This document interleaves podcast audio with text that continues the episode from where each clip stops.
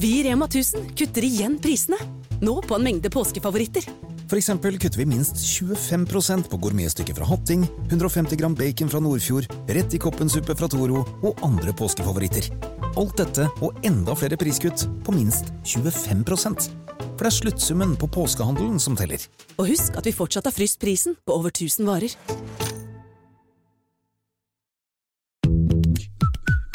Hei og velkommen til Femihelse, en podkast om kvinnehelse fra A til Å. Og jeg heter Helene, Og jeg heter Sigrun. og vi har startet denne podkasten fordi vi mener at det bør snakkes mye mer om kvinnehelse. Så la oss snakke. Hei, hei. Hei, hei. Hva skal du ha til middag i dag da, Sigrun? Jeg skal ha kjøttboller. Er det sant? Og fordi hver gang jeg spør Tutti hva vi vil ha til middag Kjøttboller! um, og det får hun ikke så ofte, fordi det er jo svaret hver gang. Vi kan jo ikke spise kjøttboller hver dag. Nei. Men i dag får hun faktisk det. Mm. Og hun kommer mest sannsynligvis ikke til å spise det. For hun spiser ikke så masse til middag, har jeg lagt merke til. Hun spiser ikke, generelt sett ikke for tiden. Nei. Vi er i en eh, nei takk til mat-fase. Ja. Men hun er veldig blid og energisk, så jeg tenker at det går bra. Det er så rart. Det er Ja, som sånn du sa, hun burde vært utsultet, men så gidder hun ikke å spise. Nei, hun gidder ikke. Nei.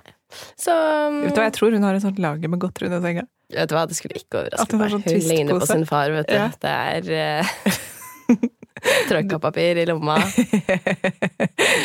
Men Jon også lever jo på Han er jo en eh, periodisk faster av natur. Bare at det er ikke trendbasert. Han uh, spiser jo ikke før lunsj. Tolv etter den. Spiser han middag. Fem-seks. Ferdig. Ferdig spist. Ja. Så Tutti, hvis hun spiser et par ganger i uka, da. Så liten som hun er, så Er hun som sin far? Ja. Men hvis du tilbyr uh, Jonny is etter middag ja ja. Da er han med. Til frokost òg, mest sannsynlig. Ikke sant? De gangene han får is til frokost, så spiser Vi kan han. forresten, til dere som hører på nå, vi kan snakke mye om Jonny, for han hører ikke på denne podkasten lenger. Nei, det er fritt Så her har vi muligheten til å har ikke hørt virkelig på på mange år. Ikke Eva heller. Ikke Eva heller. Selv om jeg faktisk Det var veldig skuffet fordi når hun var knøttliten Mm. um, og trengte meg Ja. mye mer enn nå ville hun bare ha sin far. 'Mamma, du er glad i meg, jeg er glad i pappa', som hun sier en gang i uka. Um, så prøvde jeg å sette på femmelse. Jeg la henne liksom i et annet rom, for jeg tenkte sånn Å, nå har jeg lyst til å være litt alene. Nå har jeg vært mye sammen med deg her. Mm. La henne i et annet rom, satte på du. Gikk ut.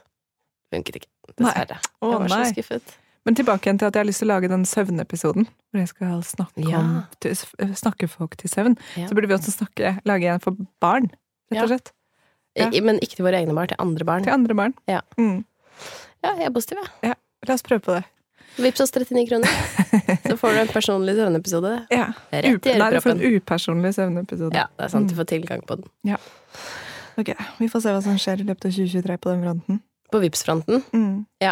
Jeg har sett flere store profiler som jeg følger nå har begynt med sånn der patron, eh, som er sånn Mm. eh, Man kan begynne å betale for ting. Sånn som Wikipedia alltid har gjort. Ja, Ja. men Patron er også sånn at du bare gir penger. Ja, du bare gir penger. Så Ja. det er noe vi kunne vurdere. Jeg hadde trivdes med det formatet. Jeg òg. Ja. Jeg er med. Ja.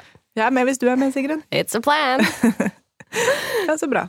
Så bra. Men ehm, en som eh, vi skal ha besøk av i dag, Mm. hun har eh, ikke bare ett barn, sånn som meg, men hun har to barn. Så kanskje hun har løsningen på mitt problem. Jeg tror at eh, løsningen er å vente, men eh, vi får se. Velkommen til oss, Karina. Tusen takk. Det er veldig gøy å være her hos dere. Veldig, veldig hyggelig. Um, hvem er du, Karina? Jeg heter Karina Sanders. Jeg er tobarnsmor, som du sa, eh, og jobber eh, som barnelege og forsker. Mm. Veldig gøy. Og så jobber du litt med Instagram òg, føler jeg. Ja, selv om jeg føler Jeg kaller siden deg ikke influenser, Nei, jeg kaller meg ikke for influenser selv, men det har vært eh, Influenser. Du, det er akkurat Ja. skal si. du kan dele begrepet med oss, fordi siden vi startet Femihelse, så har vi kalt oss for influenshelsere. Og det må jeg si, jeg er veldig komfortabel med det begrepet. Ja, vet du hva? Det skal jeg begynne Ja, Så jeg har faktisk er skrevet i bioen min. med. Ja, det står i bioen min på Instagram til og med. Influhelser. Den var fin. Ja, jeg kanskje jeg er en influenser. Men ja, jeg eh, si. siden jeg har fått barn, så føler jeg at jeg har vært veldig lite aktiv på Instagram, selv om jeg egentlig syns det var veldig gøy. Eh, Så ja. Men eh, den tiden kommer eh, kanskje igjen. ja, tror- om en 10-12 år. Hvor, kan jeg spørre hvor frustrerende du syns med alt innholdet du har lagt ut på Instagram? Alt det du har delt som har vært så fint. Men så tror jeg kanskje det mest populære du noensinne har lagt ut, var storyer av broren din. Alle bare Oh my god, who is this person? ja, de som vet, de vet. Er, eh, mm, Ja, det er jo en, men dette er jo, nå syns jeg ikke vi skal si mer. Nei. Gå og følg Karina Saunders, Dr. Karina Saunders på Instagram. Ja. Vent til hun reiser hjem til sin utrolig, utrolig idylliske hjemby. Mm. Let the magic begin. Ja. Men du glemte jo å si en viktig ting, for du er jo også forfatter. ja! Ja, ja. det må du ikke glemme. Nei, Hva er det du har skrevet, da? Jeg har skrevet en bok eh, om eh, svangerskap. Nettopp fordi jeg har opplevd eh, to svangerskap på veldig kort tid. Og følte at her trengs en bok. Mm. Ikke sant? Fordi, eh, for å begynne med liksom din mors historie. Du har to barn. Første ble født i Han ble født i pandemien i 2020. Ja, vi fikk jo barn nesten samtidig, med et par måneders mellomrom. Ja, han kom 1. september. Ja. Så tre måneder mellom de. Ja, ikke sant? Ja. Og så ble jeg gravid veldig fort igjen, og fødte neste 13 måneder senere. I Ja. 2021. Ikke sant? Så du ble Mm. gravid når eldstemann var bare fire Ja, jeg tror måneder? Ja, var fem, så vidt fem måneder. Mm. Wow. Vi, hadde, vi hadde lyst på to tette barn, men uh, kanskje ikke fullt så var det. Nei, så det var ikke planlagt at det skulle være sånn? Nei, nå har ikke, jeg- hadde ikke tenkt å gå ut på en podkast og si at dette her var ikke planlagt. Lege som ikke klarer eh, å liksom planlegge graviditeter. Men eh, nei, det var ikke helt planlagt. Nei. Det var ikke det. Hva, hva tenkte du da, når det skjønte Nei, at det det kom til å skje? Nei, det var sjokk. Altså, jeg tok jeg tror jeg, fem graviditetstester og bare nei, dette her går ikke an. Det Nei. går ikke an. Bare det henger hadde- igjen fra forrige. Det er, det Ja, er forrige den det er driver og slår måneder. Ja, også det, jeg, jeg skal Altså, dette her er jo ikke en uh, tema om prevensjon, men jeg bare tenkte jeg er full av mer, ikke sant. Er, altså, hadde ikke fått mensen ordentlig tilbake engang. Og så tenkte jeg nei, jeg kan ikke bli altså, ja, så Syklusen var jo bare helt Den var jo ikke ja, Anyways, jeg skal ikke gå inn i mine personlige uh, for mye her, men eh, det var ikke helt planlagt. Men så kom nummer to. Og det er jo ofte sånn det er når man først har dette lille mennesket, og så tenker man at dette her var helt perfekt. Selv om det er travelt, og selv om det er litt sprøtt, så hadde vi lyst på to tette barn, og så ble den bare litt veldig litt sånn, man, eh, I noen språk så sier man pseudo-tvillinger. Ja. Mm. ja, to på et år. Ja, jeg, Cirka? tror eh, nesten et år, ja. Ja. Mm. Du har i hvert fall to under to, som er Ja. jo noe mange, mange snakker om, og det, det kan vi jo komme litt tilbake til. Men um, denne boken den skrev du da når du var i permisjon, gjorde du ikke det? Mm. Eh, Den skrev jeg da jeg var i permisjon med førstemann. Ja. Hvordan, hvordan begynte det, eller hvorfor, hvor kom behovet for å skrive denne boken? Altså, jeg har jo alltid vært veldig fascinert av svangerskap, eh, og det at man liksom kan gro et lite menneske og føde dette mennesket. Altså, jeg har alltid hatt en enorm fascinasjon. Eh, Og så har jeg vært eh, drevet med forskning i flere år, hvor vi har fulgt flere tusen gravide norske kvinner i svangerskapet, og så deres barn når de ble født. Eh, Så jeg har jo drevet, selv om jeg er barnelege, så har jeg liksom drevet mye med graviditet og lest mye forskning om graviditet. Eh, Og så ble jeg gravid selv, eh, og da husker jeg at jeg liksom Det første etter jeg tok den positive graviditeten, så tenkte jeg ok, men, men hva gjør jeg nå? Så selv om jeg liksom visste mye om svangerskap og liksom forskningstype ting, så var det veldig mye sånn praktisk informasjon jeg rett og slett ikke visste. Så husker jeg da jeg hørte en episode fra dere den gangen, hvor dere snakker om ja, men når man er gravid, og så tar man kontakt med fastlegen og sånn. tenkte jeg, oh, ja, ikke sant? Så det var så mye sånn helt basic ting ikke jeg visste. Og så husker jeg at jeg gikk på første svangerskapskontroll på helsestasjonen. Det var type uke sju eller åtte. Um, og så fikk jeg en del brosjyrer med meg hjem. Altså sånn løse papir. Brosjyrer med liksom, liksom 'dette bør du spise', 'dette bør du passe på'. Og så husker jeg begynte, så tenkte jeg, men er det ikke noen bok liksom, med alt dette her? Eh, og så googlet man en del og leste litt i apper, og så kom liksom litt den tanken at ja, men det hadde vært veldig gøy å skrive en bok som på en måte samler opp type, den informasjonen jeg føler er den viktigste eh, når man er gravid, og når man skal føde et barn. Mm. Og så må det jo være litt spesielt også liksom å selv eh, være lege og ha liksom medisinsk bakgrunn, og så gå Mm. inn i denne boblen med liksom all den informasjonen der ute. Fordi det eh, tenker i hvert fall jeg at det er jo det er ikke det at det ikke er informasjon der ute, men det er kanskje heller vanskelig å vite hvilken informasjon ja, som eh, er reell for meg, og Ja. hvilke man kan stole på. Og så er det noe med liksom, hvilke råd trenger jeg egentlig å følge? Er det Mm. noe du har eh, hatt litt i bakhodet når du har skrevet boken? Absolutt. Og jeg føler jo at vi lever jo på mange måter i en tid hvor det er informasjonsoverflod. Om det er på Instagram eller TikTok eller Google. Det er så utrolig mye informasjon. Og særlig når det gjelder graviditet, og veldig mye, av dette har man også sett i visse studier, at mye informasjon som deles online, og særlig på sosiale medier og sånn, er ikke faktabasert eller evidensbasert. Det er veldig mye sånn anekdotiske ting, eller ting du bør gjøre sånn og bør gjøre sånn, eh, for å få en enkel fødsel, og mye av dette er bare ikke Hvilke type ting er det, da? Nei, mye av det er jo eh, for eksempel spis det, og så vil du få en enklere fødsel, eller eh, En ting jeg for eksempel har sett mange, eller forskjellige influensere dele, um, er ja, hvis du spiser fem dadler hver dag i slutten av graviditeten, da vil du få en enkel fødsel. ikke sant? Og når man er gravid, så vil du gjøre alt som på en måte kan gi deg en god graviditet eller et friskt barn eller en god fødsel. Så man er jo veldig veldig mottagelig mot sånn type informasjon, og mye av det blir bare litt for enkelt. Og det er jo faktisk en studie som viste at dette å spise dadler i slutten av svangerskapet kan gi en god fødsel, men dette er én studie, og det kan være en helt random funn, ikke sant? At man bare har sett en eller annen korrelasjon, men det er jo ikke kanskje dadlene som ga en god fødsel, men det er så mange som har begynt å si ja, men ja. ja som, som Dola-student her da, på siden, ja, så har jeg nei, nei, nei, Så har jeg lest denne studien, ja. Eh, og den handler jo om at i Midtøsten så var det færre eh, Det jeg fikk ut av den, var i hvert fall at det var færre rifter. At, eh, og at man da tenkte at ja, men disse kvinnene spiser jo veldig mye dadler, men det er som du sier, det kan jo handle om veldig mye annet også. Så var den jo liksom mm. kontrollert for ditten og datten. Mm. Men det jeg tenker er det viktigste her, er ut å ta ut av denne studien, er hvis du liker dadler, så spis det. ja. Men ikke sant, og det, det er litt sånn type ting. Altså, kanskje jeg som ser på dette her med litt andre øyne, også fordi man har vært veldig mye i forskningsverdenen, så dette å liksom bare se på én studie som har vist det, det er ikke sikkert at Og det er ikke noe årsakssammenheng man har forsket på her, det er kanskje bare noe som tilfeldigvis ga en eller annen positiv eh, altså viste en effekt, men det er ikke sikkert at det var det. ikke sant? Det kan være så mange andre ting. Um, så er ikke jeg den som da hopper på bare, Spis dadler hvis du vil, det er ikke det. Men det er veldig mye sånne type ting, føler jeg, informasjon når man er gravid, eh, som eh, ja. Men føler du at det skaper et stress for gravide at det er så mye Veldig mange triks mm. og tips og informasjon og apper og liksom gjør dette og, og ikke gjør dette? Jeg tror det. Og så tror jeg nok det er litt avhengig av hvilken personlighetstype man er. For noen som meg kan jo kanskje lese den og tenke ja, men dette er viktig, men så ah, Altså, man, det er noen Jeg kjenner flere som har vært kjempestressa gjennom hele graviditeten. Var bekymret for alt og var veldig opptatt av å gjøre alt riktig, alt de kan. ikke sant? Og så ender du opp kanskje med komplikasjoner i svangerskapet eller en fødsel som ikke går så akkurat som du vil, og så er det veldig mange som liksom da bærer med seg en skuffelse eller liksom skyldfølelser over lang tid, fordi Men så er det jo litt sånn Altså, det er mye man øh, kan gjøre, men så er det veldig mye som også er ute av vår kontroll, og det tror jeg er så viktig. Det er litt det jeg også på en måte prøver å formidle. Ja, det er viktig med kunnskap, det er viktig uh, å leve så godt vi kan og liksom spise så godt vi kan, men samtidig liksom uh, Det er mye vi ikke har helt kontroll på selv òg. Eh, mm.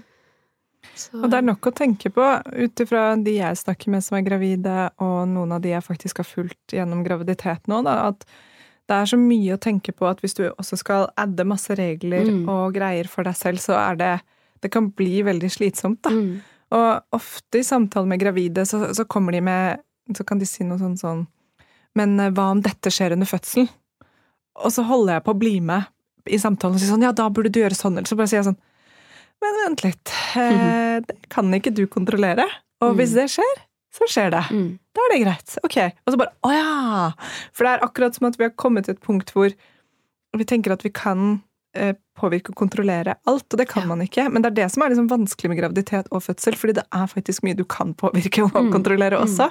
Så det er å finne den der gode balansegangen, det syns jeg jo den boken her er veldig fin til, da som du har skrevet, den er veldig nøktern og rolig og fin. og liksom ja, og der, Du er veldig inne på det med personlighetstyper. At her er vi mm. alle forskjellige. Hvordan mm. vi reagerer i en sånn situasjon. Hvordan vi er. Hvordan vi er på jobben og i livet generelt sett, ikke sant. Mm. Mm. Men det er mye det er mye tips og triks der ute som kan gjøre at man blir stressa. Ja, og kanskje ja. unødvendig stressa. Ja, mm. virkelig.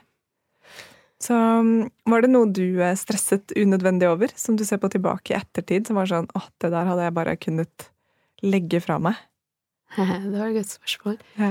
Eh, jeg tror nok jeg, for å snakke om personlighetstyper, er en personlighetstype som ikke stresser så veldig mye. Mm. Eh, Og jeg var jo litt sånn Jeg hadde jo ambisjoner om å bare spise supersunt, og så var jeg jo Jeg hadde så cravings på søtsaker og smågodt og sjokolade som aldri før. Mm.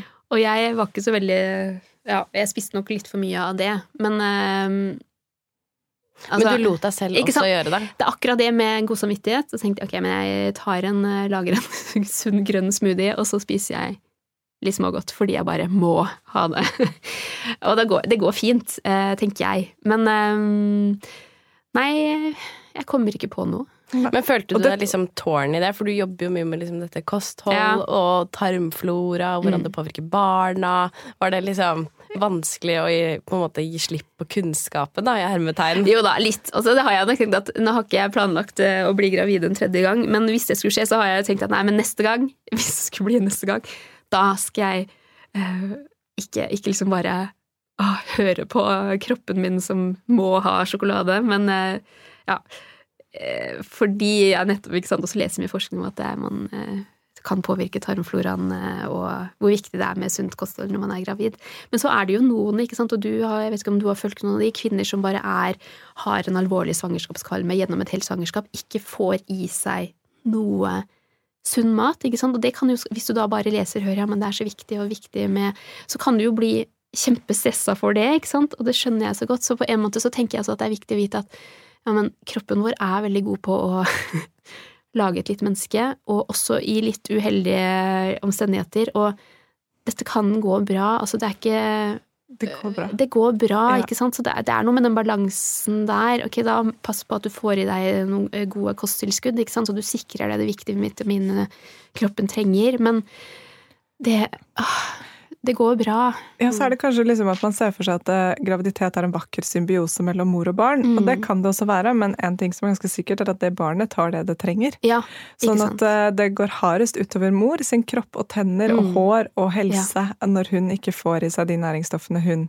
ja. uh, kan pga. f.eks. kvalme da, eller mm. cravings eller whatever. Mm. Så det er jo akkurat den derre at du skader barnet, skal ganske mye til, da. Mm. Um, så det er um, Men det, det, er veldig interessant dette her med dårlig samvittighet og graviditet og fødsler og, og hva vi bærer med oss, som er helt sånn derre uh, Ja. Som jeg virkelig skulle ønske at jeg kunne liksom eh, hjelpe til å løfte av flere. da, Bare sånn mm. Det går bra. Mm. Fordi det er nettopp som vi sa i sted også, at den der balansen mellom at man ønsker å ha informasjon som man tar sunne valg, men ikke blir helt liksom låst i det at det går mm. til helvete hvis man ikke følger de hele tiden, for det mm. gjør det jo ikke. Det går bra. Mm. Mm. Jeg tenker at det må være mye øh, mer slitsomt å være gravid nå. Ikke fysisk, men psykisk. Liksom nå enn øh, da, da vi ble født, for eksempel. Da. For da hadde man kanskje i større grad liksom en bibel hvor det var sånn ok, dette er graviditeten. Den står iallfall hjemme hos mamma og pappa. Bilde av en gravid naken dame på forsiden. Eh, hvor det på en måte var primærinformasjonskilden som alle var enige om. For i dag er det blitt så lett. En ting er liksom tips og triks informasjon, men også å mene veldig mye om den gravide kvinnen, om på en måte det nyfødte barnet eh, hvordan man skal gjøre ting. Eh, mm. Og spiser du det, Samse og vurdere. hva ammer du hele tiden, og ikke bare så og så ofte. Mm. Um, har du begynt å gi fast føde allerede? Altså det, er, det, er, blitt så veldig mange måter liksom enkelt og anonymt delvis kommentere på hverandres liv, mm. som er jo liksom et sånn heftig tilleggsstressmoment i en allerede veldig sårbar og skjør og søvndeprimert periode, mm. hvor man er jo uh, veldig utsatt for den type meninger. Så jeg tenker jo på en måte at uh, den tiden vi lever i, er kanskje den nybakte morens fiende på, på veldig mange, mange, måter. Det er selvfølgelig det kommer mange positive ting ut av det også, mm. men um, noen ganger så tenker jeg liksom det der var litt, litt enklere før. Mm. Det tror jeg absolutt. Eh, absolutt. Men så tror jeg en For å på en måte ja, Det som jeg tenker kan være bra i dag, er jo at man kanskje snakker også Det er for mye informasjon, og det er altfor mye kritikk, og det er altfor mye mom-shaming og det der. Men jeg tror også at det er mulig å finne mer informasjon om det er eh, ikke sant, barseldepresjon. Ja. Dette, jeg husker så godt da jeg eh, var type tenåring, og så var det snakk om en, noen jeg kjente som hadde født sitt tredje barn og hadde barseldepresjon. Og så husker jeg liksom det var voksne kvinner som da snakket om denne moren som en sånn forferdelig mor. Tenk å føle noe sånt for ditt eget barn. Og så jeg husker at jeg ble så påvirka av det, og som tenåring tenkte jeg å ja, tenk at Og jeg hadde ikke hørt om det før, og så tenker jeg sånne type ting føler jeg at det, det er mer snakk om, Ja. og det er mer Eller om det eh, er for eksempel I boken min så har jeg også skrevet om dette med Siden jeg fødte to med uplanlagt keisersnitt, og det kan være veldig vanskelig når du har sett for deg en viss fødemåte, og du kanskje blir feeden din, du følger folk som eh, liksom alle disse positive fødselsopplevelsene og liksom disse flotte vaginale fødsler Ikke at den vaginale fødselen at jeg opplever som så flott, men da denne skuffelsen mange kjenner på, som jeg også kjente på litt selv, eh, og så delte jeg dette på Instagram, og så fikk jeg sånn vanvittig mange historier og responser, altså hundrevis, og så var det så mange som sa å, jeg er så glad for at jeg har lest, ikke fulgt med på disse stories hvor du deler av andre kvinner, for nå for første gang ikke sant, kjenner jeg Altså, jeg vet at det ikke bare er meg, hvor vanlig dette er, så jeg tror også at det er Ja. en fin tid vi lever i, også at man kan finne disse menneskene som opplever det samme som meg, som har de samme følelsene, som samme usikker... Altså, ja, at det kan hjelpe og mm. Jeg er så enig i det, der, der lurer jeg på, det kan jeg jo diskutere med deg som faktisk har øh, øh, hatt to to keisersnitt, at jeg har litt lyst til å liksom, mm, kanskje kalle det keiserfødsel, ja, eller føde gjennom magen, ja, fordi, eller magefødsel, Ja. fordi at det, det er en fødsel, mm. og for veldig mange som ender opp med et keisersnitt, så er det, har man jo vært i fødsel lenge. mm. Så kroppen din har egentlig født, bortsett Mm. fra den siste uh, liksom pushefasen Mm. hvor babyen kommer helt igjennom. mm. Så bekkenet ditt har fått kjørt seg, uh, skjeden din er fully dilated, alt har egentlig skjedd. Men så stopper det opp, ikke sant? Mm. Og så selvfølgelig så er det jo noen som inn akutt keisersnitt pga. f.eks. en svangerskapsforgiftning eller andre ting. Men derfor så, Og det er liksom ord også rundt dette med Mm. graviditet og svangerskap. Og, og hvorfor heter det keiser? Det er, ikke, det, er ikke, det er til og med en mann. Eller Ja, det er en mannlig. Sånn, Jeg synes jeg ønsker det kunne vært litt sånn dronningfødsel. Å, Ja. Har du dronningfødsel? Wow! For det er sånn, og, og det, så jeg har i hvert fall tenkt sånn litt som femielse fremover å prøve å si keiserfødsel eller Mm. født gjennom magen eller magefødsel. Fordi det er en fødsel. Mm. Og, og det er så mye forskning rundt keiserfødsel nå på hvordan man kan skånsomt løfte ut babyen, lage mindre åpning, sånn at den også får presset eh, liksom, Det med overføring av tarmfloraen med hjelp av en tampong eller klut, som man gnir over babyen fra mammaens rumpe, som det forskes masse på, Mm. eller skjede, da. Begge deler, kanskje. Så det er liksom Og den skammen der har jeg så lyst til å bare fjerne. Ja. Men det som også kreves, er jo selvfølgelig at helsevesenet kommer på banen og eh, tilbyr også en opptrening og en oppfølging etter en keiserfødsel Mm. som ikke eksisterer i dag. Vi har jo snakket med Mathilde Pilskog også om dette at når du, Det er klassisk eksempelet, du opererer en kne, så får du i hvert fall med deg her en seks ukers opptreningsplan. Etter en keiserfødsel så får du lykke til, ikke løft Mm. babyen din på Mm. seks uker. Som Det er er helt ingen informasjon. Nei. Altså, jeg fikk ingen informasjon. Ja. Og hvordan det påvirker ammingen. Og Ja. Var du selv overrasket over det da du Kjempe Fødte guttene dine? Ja. Altså det, det var så mye altså, ikke sant? Og jeg som lege som også har stått som barnelege, så blir man jo tilkalt til vanskelig fødsel om barnet trenger litt assistanse eller sånn. Så jeg har jo vært med på mange fødsler. Tatt imot flere barn. Eh, men jeg ble så overrasket og satt ut. Altså hvor stort Og jeg har vært med på sett på keisersnitt, men altså, har liksom, det har ikke gått inn over meg hvor Og det er jo en svær operasjon, ikke sant? Men så forventes det at du skal fungere helt normalt rett etter det har skjedd. Så jeg lå jo på en barselavdeling som kanskje var litt overfylt, med en baby som nettopp var første barnet. Og jeg klarte nesten ikke å bevege meg, for jeg hadde så vondt. Men det var så, jordmødrene stakkars hadde ikke tid, for det var så travelt. Så jeg prøvde jo liksom å få da dette lille vesenet til å amme, mens jeg klarte ikke å sette meg opp i senga, jeg klarte ikke å bevege meg. Så det er sånne ting som det som ikke jeg hadde tenkt på før. Eh, som jeg tenker, det, altså det er helt Og så blir du sendt hjem, ikke sant, etter eh, eh, to-tre dager, og så skal du ta hånd om et lite barn, eh, selv om kroppen jo egentlig er nyoperert. Um, det er, ja, det er heftig. Ja, det er jo noe vi har diskutert i flere episoder Ja. også, hvorvidt man Mm. egentlig burde sykemeldes fra permisjon eh, Ja. etter Ja, er et keisersnitt. keisersnitt. Mm. Eh, I seks uker. ja. Mm. Eh, Ja. I hvert fall liksom tilstrekkelig lenge nok til at i hvert fall far kan være lenge, og egentlig at far Eller, har eller partner. ja, partner selvfølgelig, har hovedansvar. Ja. så lenge det er behov for det. Eller Ja, så lenge mor er nyoperert, da. Mm. Er, eh, fordi mor er jo egentlig ikke da klar, som regel, til å være alene med barnet. Man skal ikke gå i trapper, du kan ikke løfte, du kan ikke Nei. sitte eh, vanskelig å amme og smerter i forbindelse med det. Mm. Altså sånn, Hvis man har den type problemer, da. Mm. Og så er det jo noen som tar mye lengre tid enn andre og vil ikke komme Ja. seg. Så det er jo, da er det jo kanskje litt kort med å ha pappaen hjemme, eller partneren hjemme i to uker. Ja. Altfor kort. Og liksom i tillegg til det at Tilbake igjen til at du nærmest Noen har jo nærmest da født vaginalt, og Mm. så har det blitt et keisersnitt. Så du Mm. på en måte kom, du, du, du kommer deg etter to fødsler på en måte Ja. parallelt. Kroppen din er liksom, har vært gjennom Mm. Kanskje. Ja, Mm. en lang fødsel, ikke sant? Og Men, ja. apropos Fordi... det- med å forberede seg, da. Bare en sånn liten anekdote, en liten fanesak jeg har med å forberede seg. Og ikke for, den balansegangen mellom å forberede seg litt og ikke for mye, så syns jeg alle som er gravide, burde lese seg litt opp på keisersnitt. ja. Og hvis man har fødebrev, og har et lite seksjon om hvordan man ønsker eh, at hva som skal skje Mm. under et, et keisersnitt, ikke sant? At eh, man kanskje har gardinen litt nede, så du kan se når Mm. babyen blir født ut av magen, at eh, det skal være lang eh, avnavling på navlesnoren. Det skal være en del ting, at du skal få babyen rett opp på brystet, at partner skal få rett opp på brystet hvis du ikke er tilgjengelig. Altså sånne, At man har det. Og det er sånn bare på en måte, det er, en, det, er, det er kanskje ikke det scenarioet du ser for deg, og du gjorde jo ikke det som barnelege og frisk Mm. og sunn og rask og trodde at det skjer ikke. Mm. Men det å ha lest litt om det, tror jeg ikke skader. For hvis det skjer, så er det sånn Vent litt. Mm. I have read about this. Ja, fordi jeg tror det er så mange som ikke ser for seg at det kan ende i et keisersnitt når ikke det er planlagt. Og til og med meg, som jo egentlig burde visst bedre og vært med på keisersnitt.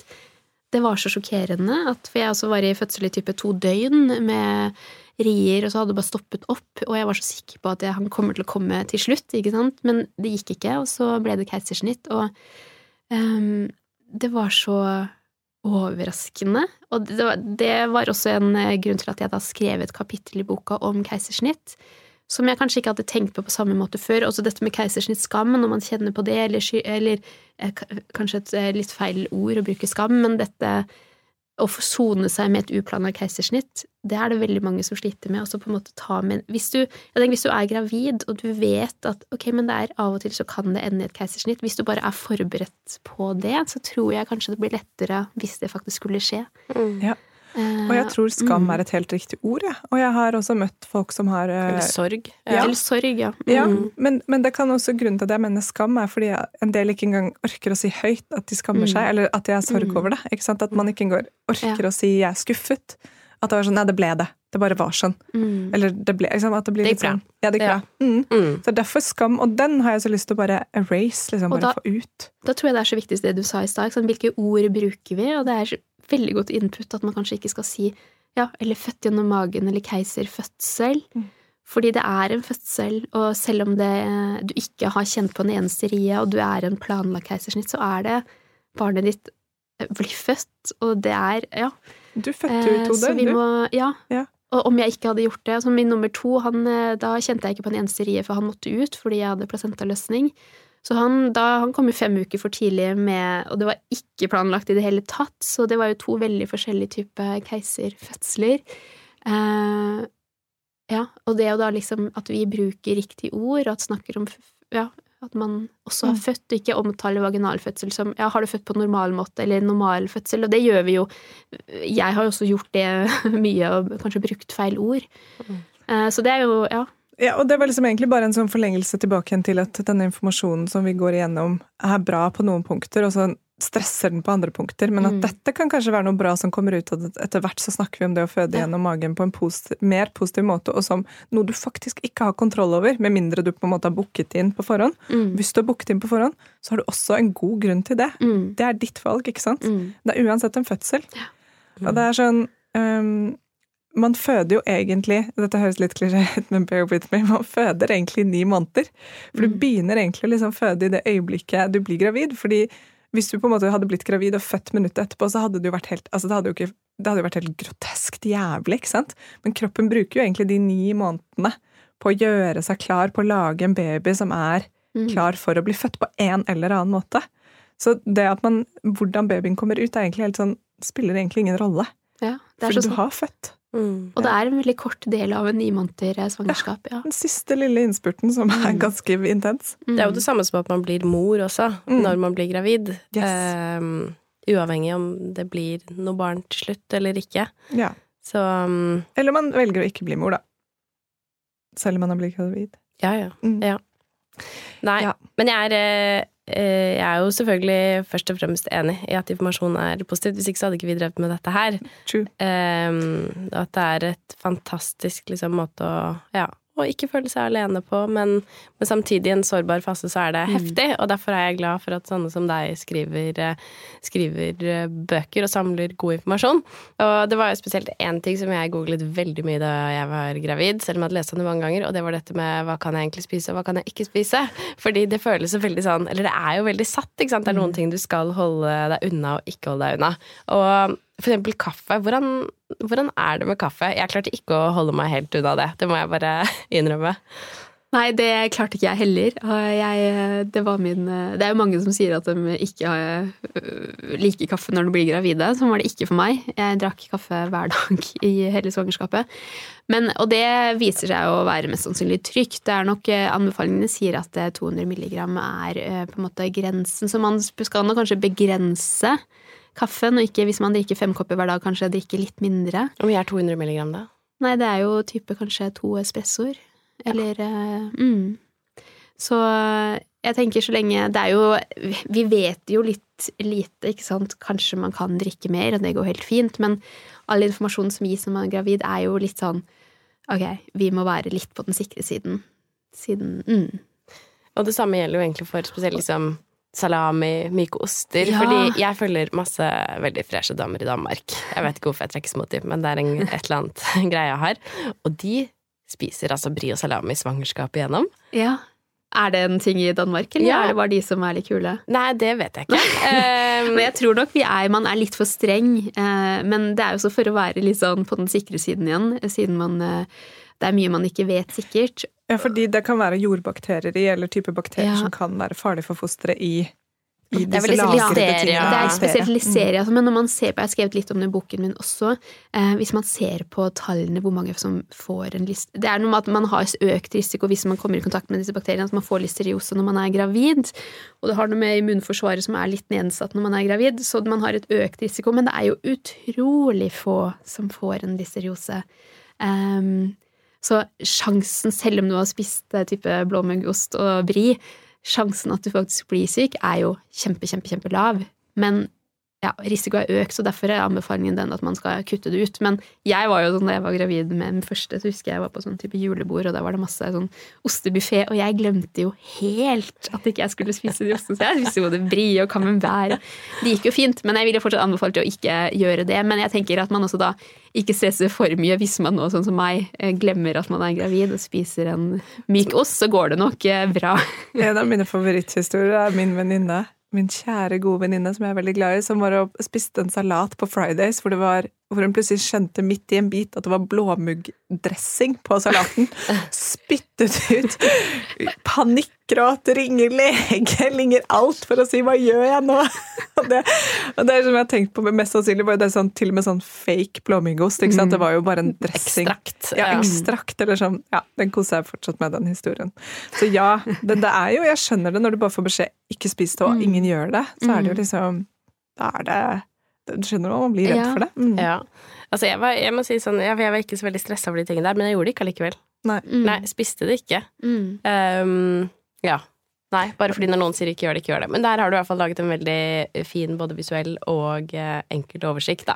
Ja, og så tenker jeg med sånn type som listeriose, da det er det man er redd for, så har jeg også på en måte fått med, skrevet litt om ok, men hvor mange, hva er risikoen? Også for hvis du ser for meg, så er det hvis jeg ser tall og statistikk, og så blir jeg sånn å ja, ok, men da, det er jo ikke hvis du får noe tall på det, syns jeg det hjelper veldig for å roe litt ned. Og vite ja, men ok, hvis det skulle skje, så er risikoen utrolig lav. Mm. Uh, mm. Jeg vil si den største sånn fineste gaven jeg nesten har gitt noen, var da en venninne av meg var skikkelig høygravid, og så gikk jeg i en ostedisk og spurte hva her er pasteurisert, eller hva her er trygt å spise for gravide. Og så fikk jeg med meg sånn fire-fem oster, som var sånn myke, gode oster. Og så laget jeg et ostefat, og hun bare 'Å, herregud!'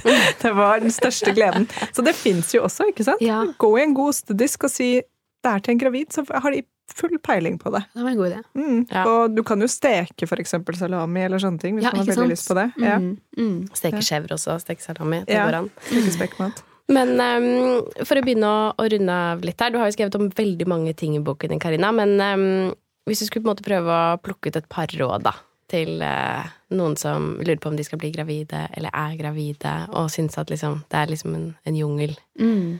Jeg tenker hvis man, hvis man ikke er gravid og man planlegger å bli gravid, eh, så tenker jeg at da er det en tid for oss å prøve å spise næringsrik mat. Når man liksom verken er kvalm eller dårlig eller sliten og trøtt og ikke orker å ta gode valg, at man på en måte fyller på kroppen, slik at du har litt mer å ta av når du først blir gravid. Eh, og ta et tilskudd med folsyre når du planlegger å bli gravid, eh, eller finner ut at du er gravid. Det tror jeg er noe av det viktigste man kan gjøre. Hva med alkohol, da? Eh, det er nok eh, lurt å begynne å kutte litt ned på det også når du planlegger å bli gravid. I hvert fall når du er gravid. Eh, og så tenker jeg at når Siden det er en, det er en informasjonsoverflod, man skal prøve liksom ikke stresse unødvendig.